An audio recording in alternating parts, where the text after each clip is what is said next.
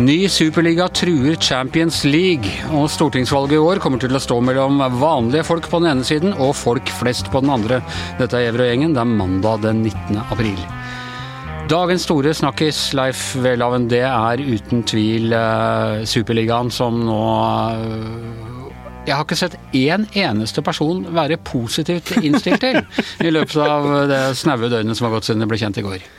Nei, dette har eh, vakt ramaskrik blant fotballinteresserte overalt.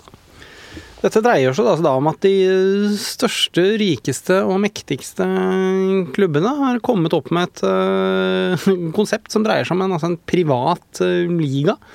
Hvor uh, hensikten ser ut til å være at de rikeste skal bli enda rikere, og attpåtil så skal de da altså sikre seg selv mot risiko for å kunne rykke ned som jo er en ganske sentral del av hvordan eh, fotball eh, normalt eh, fungerer. Og rett og slett handler om å altså karre til seg enda mer av kaken. Litt som den basketballigaen i USA, da. NBL.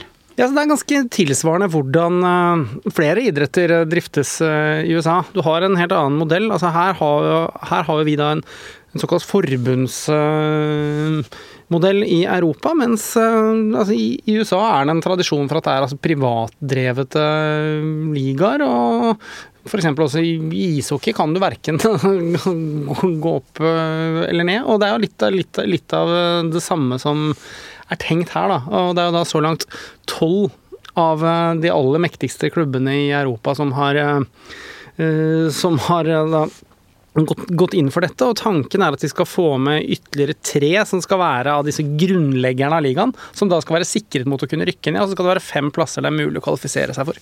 Men da sier det seg at nå er de altså Før var det alltid mulig for et lite sånn underdog-lag å gå hele veien opp til topps og, og, sånne ting, men i realiteten har det egentlig vært mulig eh, på mange, mange år. Ikke, altså Når alle nå raser mot grådigheten og, og pengene og sånne ting i idretten, er ikke det, er ikke det liksom, kommer ikke det 20 år for seint? langt på på vei så er det jo sementert at eh, de store er størst. Og det at man er kritisk til Superleague betyr på ingen måte at dagens eh, system eh, fungerer optimalt. Det er allerede en milliardgalopp av en annen verden som bidrar til å sementere og forsterke forskjeller. Samtidig så er det noe man i hvert fall har muligheten av. Teoretisk. Ja, men så skal vi ikke så mange år tilbake før altså Leicester vant Premier League. Når var det? det var vel da 2016-2017, hvis jeg ikke husker. Ja, ja. Hvis, hvis jeg ikke, fire år siden, okay, ja. husker, Det er ikke veldig eh, Kan være hukommelsen kommer til å spille med et lite pust her akkurat hvilket år det var, men det er, noen, det er noen få år da siden. Da skal du få høre det i kommentarfeltet, det lover jeg deg.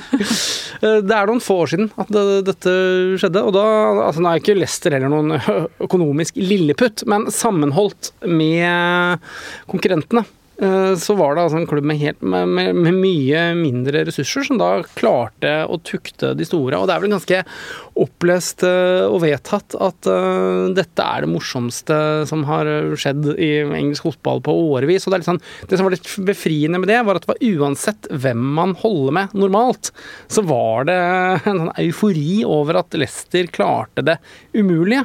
Og det er jo da den, altså den muligheten og den dimensjonen i, i, fotball man skal ta vekk. Da. Og da, det er som at du, du fjerner en sånn, sånn, sånn byggesteiner i grunnmuren for hva hele konseptet og ideen med fotball uh, skal handle om, og det blir altså helt fullstendig uspiselig. Ja, uh, Hans Petter Sjølle, altså dette får jeg inntrykk av. Det, Leif nå skisserer opp den drømmen. Det er litt sånn som du stadig ser i Hollywood-filmer, så kommer en eller annen gammel fyllik av en trener og får tak i et helt håpløst lag, og likevel klarer å trene dem opp. og så og så vinner de verdensmesterskapet. Men skjer det i virkeligheten? Jeg ser for meg sånn Al Pacino kommer inn og brøler i garderoben, ja. ja, ja. nei, nei, altså Fotballen er jo gjennomkommersialisert, og det er, det er, jo bare et faktum. og det, sånn, sånn, er det jo overalt. Men det, det er jo basert da på de nasjonale ligaene. Og så er da kampen der er jo om å vinne selvfølgelig ligaen og kvalifisere seg til Europa. Det er liksom de to store spørsmålene. Og så har du den i andre enden med å rykke ned og rykke opp. Og det har jo på en måte vært hele fundamentet. Så jeg er helt enig med det Leif sier, at det her eh, det er en helt annen modell som eh, prøver å, å, å liksom bare presses ned over fotball-Europa. Eh, Det er henta fra USA, det er en amerikansk modell, og den passer ikke her. og det Jeg syns det er veldig eh, rart. Jeg jeg liksom kjempa litt i dag. Du var litt kontrær på, jo, på morgenmøtet i dag? Jeg prøvde å kjempe for å finne en slags sånn, uh, motstand mot det her, da, for, eller for, for, for motstand mot den kompakte majoriteten, men jeg, jeg, klarer bare ikke å mobilisere.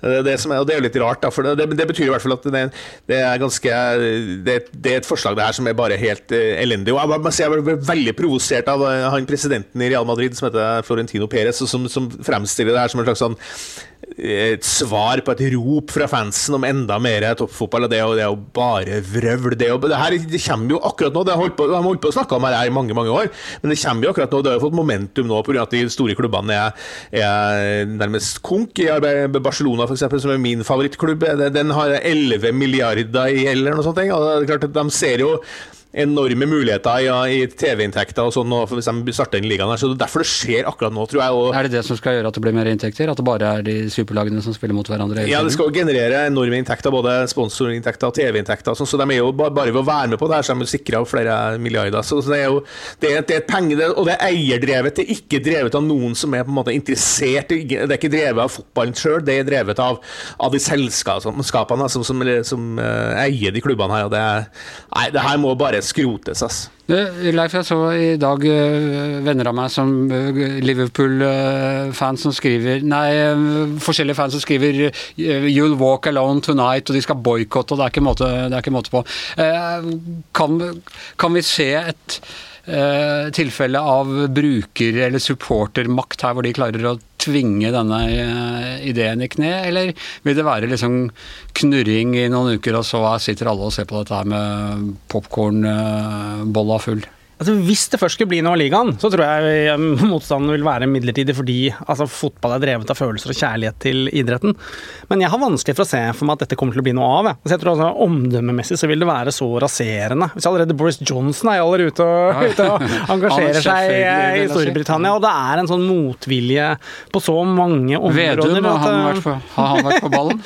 jeg, jeg, begynner å lure litt på om dette egentlig er et veldig spisset forhandlingsutspill, og at, det, og at det kan være et ganske ganske sannsynlig altså, utfall at dette ender med et eller annet form for kompromiss hvor altså, de toppklubbene klarer å få en større del av, eh, av kaken hvor du beholder den, eh, altså, den, den, formelle rammen eh, du har i, i, dag, slik at du fortsatt vil kunne altså, få at du fortsatt altså, altså vil kunne få et, et system som ivaretar liksom, de grunnleggende premissene av hva fotball skal handle om. Og så må jeg korrigere meg selv, jeg tror jeg huska ett år feil. Det var 2015-2016 okay, at Leicester vant, vant ligaen. Så du googla litt her. Uh, Hans Petter, tror du også at dette kan være et kynisk forhandlingsspill? Ja, det er åpenbart. Ja, og det har jo pågått en stund. og det, det er Nå står alt på, satt helt på spissen her. og, og Det er jo eh, på en eller annen måte litt sånn Eh, Uefa som er motparten her, da, og de er plutselig blitt snille i, i den krangelen. her, og det, det, er jo bare tull. altså Uefa er jo en kynisk, uh, pampete organisasjon. det òg. Vi har jo den diskusjonen gående også om, uh, om VM i Qatar og EM. og alt det der, så, så det, er jo, det, er jo, to ganske sånne ja, litt småuspiselige motparter som står mot, mot hverandre her. da, og dem som er, blir da i skvisen, er jo vi som elsker det spillet her. Elsker å se det på TV også. Jeg må si at jeg, tenker sånn, jeg er veldig for europeisk uh, fotball. Jeg syns det er suverent at vi har Champions League. Syns Champions League fungerer helt fint. Så er jeg et eller annet med de der hjemlige seriene. Ikke sant? Jeg så, så på finalen i spansk fotball her på lørdag. Det er en fantastisk kamp, og det er en atmosfære. Selv om det ikke var folk der, da, så var det i hvert fall en sånn uh, spenning rundt det så, som, uh, som, er helt uerstattelig. Og hvis, de store klubbene nå skal liksom forsvinne ut i en sånn egen orbit med Så, så tror jeg altså Min spådom er at det her ikke Jeg tror ikke det blir Nav, og tror, tror, hvis det blir Nav, så tror jeg det blir en fiasko. Ja, Hva tror du, Leif? Blir det en fiasko hvis det blir noe, eller eh, blir det en suksess? Altså, hvis det blir noe av det får satt seg, så tror jeg at, at fansen kommer til å akseptere det etter hvert. Men altså, sannsynligheten for at dette blir et realistisk scenario er så liten at uh, Det er egentlig bare for å jazze opp folk på det, sosiale medier? Det er nesten ikke tenkelig altså, at, dette, at, dette, kommer til å bli noe av. Men de har vært inne på tanken mange ganger før. Da. Det er ikke første gang dette, altså, dette har dukket opp. Men det er vel mulig at pandemien har, har trigget det ytterligere. Men det er altså bare noen få år siden altså, det ble avslørt uh, tilsvarende planer som da ikke, ikke ble ble, ble realisert, så man har jo tatt den altså, hakket videre. Så vil det kanskje til syvende og sist også stå litt på hva de eventuelt altså, vil, få, altså, vil, få, fra den andre siden. For at altså, de største klubbene vil ha enda mer enn de enn de har i dag. Det er helt uh, tydelig, men sannsynligvis er de altså tjent på uh, å gjøre det innenfor dagens eksisterende rammer, i stedet for å altså, gjøre det som ikke vil være noe annet enn et rent mytteri som vil sette toppklubben i et veldig dårlig lys. For Det er jo, det er jo spennende her, også, det er jo en trussel her. Hvis de klubbene nå går inn i den superligaen, så har jo en del av de nasjonale forbundene og Det er jo ikke bare Boris Johnson, det er også Macron var jo hardt ut mot det her uh, i Frankrike. Så de, de, de, nasjonale forbundene har sagt at, eller, og Uefa har sagt at de klubbene da, da må ut av de, de ligaene. De truer også med at de spillerne som spiller i den ligaen, ikke får delta på landslagene. Sånn. Så da snakker vi om en helt todelt modell. Og det høres jo bare helt, uh, helt ut... Nei, Landsvik og ja, altså, For oss fotballfans er jo landslaget kommer alltid i andre rekke etter klubbfotball, selvfølgelig. Men, men, men, nei da. Men altså, altså, så det er, for, det er for radikalt, det er for revolusjonerende, og det, det, det, er en helt ny modell som jeg tror ingen i fotball-Europa egentlig vil ha. Det skal bli spennende å se om dere får, om dere får rett i det. Vi sitter her om et år og, og er levende opptatt av denne superligaen og hva som foregår der. Eh, men en annen stor kamp som, som, eh, står for døren, det er kampen mot altså, eh, Fremskrittspartiet i alle år har vært partiet for folk flest. Nå er Arbeiderpartiet på offensiven igjen og lanserer en politikk for vanlige folk.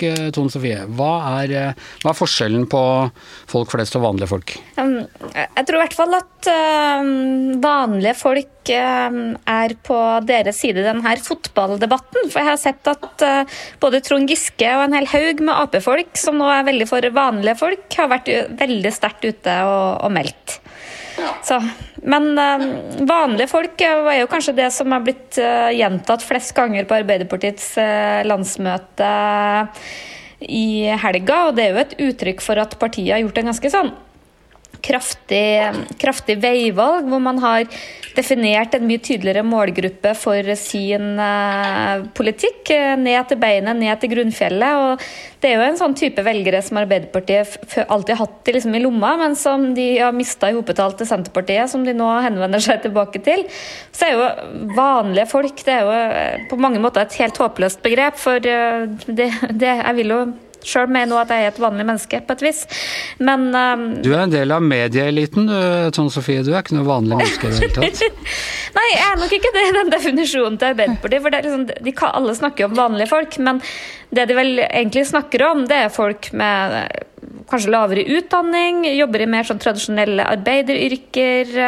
Eh, ikke nødvendigvis i hvert fall det mest storbyorienterte velgerne. Så det er jo på en måte et velgersegment de prøver å, å, å fange tilbake med vanlige folk snakket sitt. Hvordan tror du at hvis vi da skal holde denne vanlige folkevimpelen framover, hvordan distanserer vanlige folk seg fra folk flest?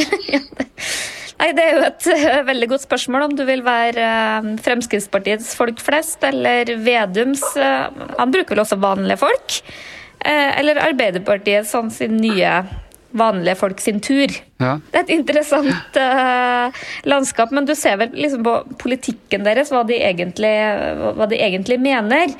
For det er jo på en måte det Arbeiderpartiet i hvert fall gjør, at de toner jo veldig ned det som eh, lilla-velgerne, som jeg vil tro er veldig mye av det storbyvelgerne med høyere utdannelse er opptatt av. De er mindre opptatt av Tone kanskje bitte lite grann ned klima, toner litt grann ned mm, innvandring og mer sånn derre eh, noen av disse identitetspolitikkdebattene, og satse mye mer på litt sånn det tradisjonelle Arbeiderpartisaker. Hvordan tror du dette vil slå an f.eks. hos SV? Nei, SV har jo, selv om de snakker veldig mye til vanlige folk i, hva de er opptatt av, med sosial ulikhet og, og, alt det der, så har jo SV velgere som har mer høyere utdannelse og bor i byer. Kvinner veldig overrepresentert hos SV, mer enn hos noe annet parti. Er kvinner vanlige folk, eller er de eliten?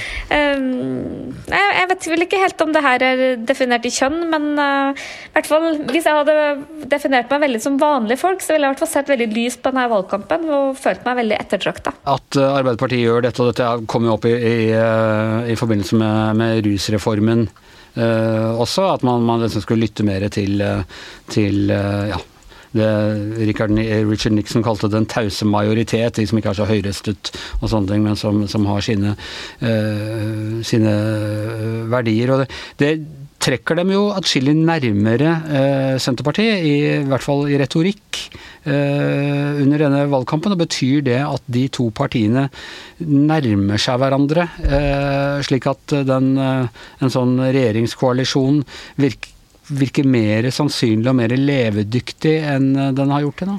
Ja, men her er det nok først eh, Senterpartiet som har tatt et sånt sjumilssteg. For uh, Senterpartiet har jo lenge vært partiet for bygdefolk flest, eller bønder flest, eller hatt en mye mer sånn snevrere profil. Og det er jo Vanlige Senterpartiet bønder. som over tid på en måte har uh, bredda veldig ut sin profil, appellert mye mer til Arbeiderpartiets gamle kjernevelgere. Og jeg tror jo at, at um, det, er panikk Arbeiderpartiet fikk, da, når du så liksom at hele Nord-Norge at uh, gikk nærmest fra Arbeiderpartiet til Senterpartiet, når du så gamle sånn fagforeningskjemper uh, og, og, og um, industriarbeidere plutselig ville stemme Senterpartiet, som ville vært helt fjernt før, så tror jeg Arbeiderpartiet ser at denne velgergruppa har vi tatt, alt, alt for, tatt for gitt. Så stor som nøden er i Arbeiderpartiet nå, så er det liksom de velgerne som det er viktigst, og som de har best mulighet for å ta tilbake. For de velgerne som Arbeiderpartiet har Eh, kanskje fridd mer til de siste årene, de her storbuvelgerne, storbyvelgerne som jeg kaller det, de, de er jo mye mindre tilbøyelige til å stemme Arbeiderpartiet. Hans Petter, hva tenker du, har Arbeiderpartiet råd til å miste jeg holdt på å si, uvanlige folk, altså lilla-velgerne som Tone Sofie kaller dem, eller den mer akademiske øh, fløyen av partiet som tross alt har vært med på å bære dem fram gjennom de siste 60 årene? Nei, det har de jo ikke. Men de ikke, det er jo ikke sikkert at de lilla velgerne hopper av heller. De satser vel på da, at eh, det budskapet er såpass eh, bra også for dem. For det er jo en del ting. Altså, mer lenge, altså abort abortloven endres litt. og Det, det, er jo ikke noe, det er ikke noe utpreget sånn, sånn frieri til, til liksom litt mer sånn konservative krefter i folkedypet heller. Så, så de prøver det, gjør flere ting. Da, og Alle, alle problemstillingene i norsk politikk går jo gjennom Arbeiderpartiet uansett. Da. Men jeg tenker bare, jeg sitter og leser den eh, romanen 'Sveas sønn' av eh, Lena Andersson, en sånn kjent svensk roman, kom i 2018. og, og Den handler om sosialdemokratiet. Det handler om en sånn ur-arketyp sosialdemokrat. Svensk, og han sier liksom at for han, da, som heter Ragnar Johansson, så det å være helt vanlig. Det er hedersbetegnelsen, det største hedersbetegnelsen et menneske kan få. Og, han, og det, den, den sosialdemokratiet i Sverige var jo, løfta jo fram det vanlige forstadslivet, det skikkelig folk var opptatt av idretten og tok vare på ungene sine. Det var ikke noe tull og tøys, og det var ikke noe narkotika og, og avvik, for det var bare sånne borgerlige greier som ikke, som ikke bidro til å løfte liksom, folkehemmet og, og den, den nasjonsbygginga som foregikk da under sosialdemokratiets storhetstid. Da. Så på et eller annet nivå så, så er det, det litt sånn tilbake til røttene der, da, som sosialdemokratiet. Som, som liksom den der solide, vanlige, skikkelige greia. Og, og, respekten for å være vanlig. Det har jo kanskje vært sånn i vår tid at, at vi har heia fram det uvanlige og alt det spennende, og sånt, mens det vanlige er blitt sett, sett ned på som sånn, det, folk som driver på med sånne kjedelige, firkanta, sånn dølle forstadsliv og sånn. Uh, så, så de siste åra har kanskje gått den der, hva heter Pendelen har svingt veldig langt i den andre retninga. Så kanskje Arbeiderpartiet nå er liksom tuna inn litt mot uh, tidsånden også. Og kanskje på, på, en måte gå tilbake til røttene på et eller annet vis som, som vil funke. Og det har funka f.eks. i Danmark. Der har jo den, de følger jo den modellen i Danmark ganske nøye her, eh, Ap nå. Og det skal ikke se bort fra at det her kanskje kan være en uh, snedig liten sånn retorisk vri fra dem. Er det noe parti i den norske floraen som vil påstå at det ikke representere vanlige folk eller folk flest? Ja, Venstre er jo definitivt partiet for uh, Uvanlige folk. Absolutt ikke vanlige Jeg er ikke sikker på om de vil være enig i det, Tone Sofie. Går, hvis det går på utdanningsgrad, Miljøpartiet De Grønne tror jeg ikke har veldig sånn uh, uh, Og, de, og de, det er jo partier som har liksom de motsatte verdiene av det Arbeiderpartiet går mot nå, ikke sant? Veldig sånn klima, miljø, internasjonalisering er bra, bla, bla, liberale verdier. Jo, men altså de som stemmer på det, vil mene at dette er helt vanlige, vanlige oppfatninger. De, de, vil jo ikke hevde at det er, uh, at det er uvanlig. Det er, jo, det er, jo, bare fordi man har, han har latt en spesiell gruppe få, få, definisjonsmakten på hva som er vanlig og hva som er uvanlig. Ja, og jeg tror at det handler litt om eh, sånne, sånne som oss som holdt på å si bor i by. Vanlige kommentatorer. Liberale verdier. Jobber, og det, jeg tror nok det er en opplevelse av at uh, Litt det samme som uh, byråkratene på elsykkel. Det var liksom blitt en sånn prototypen på så det blir liksom sånn motsats til det, da. Men så mener jeg liksom at det, vanlige folk er jo helt håpløst, for man er jo vanlige folk. Men så det er jo egentlig noe annet man egentlig prøver å si, men det høres mye flottere ut når det er vanlige folk. Da. Ok. Uh, det skal bli spennende å se når, når, når, de vanlige folkene og folk flest virkelig begynner å krasje mer utover i valgkampen. Det skal vi følge nøye med på, vi vanlige kommentatorer i den svært vanlige avisen Verdens Gang, helt normale kommentaravdeling. Men vi er ferdige for i dag. Eh, her i studio sitter eh, Leif Welhaven og jeg. Vi har vært sitt hjemmestudio Tone Sofie Agling og Hans Petter Sjøli. Og den vanligste av alle vanlige menn i denne podkasten er som vanlig eh, Magne Antonsen, produsent.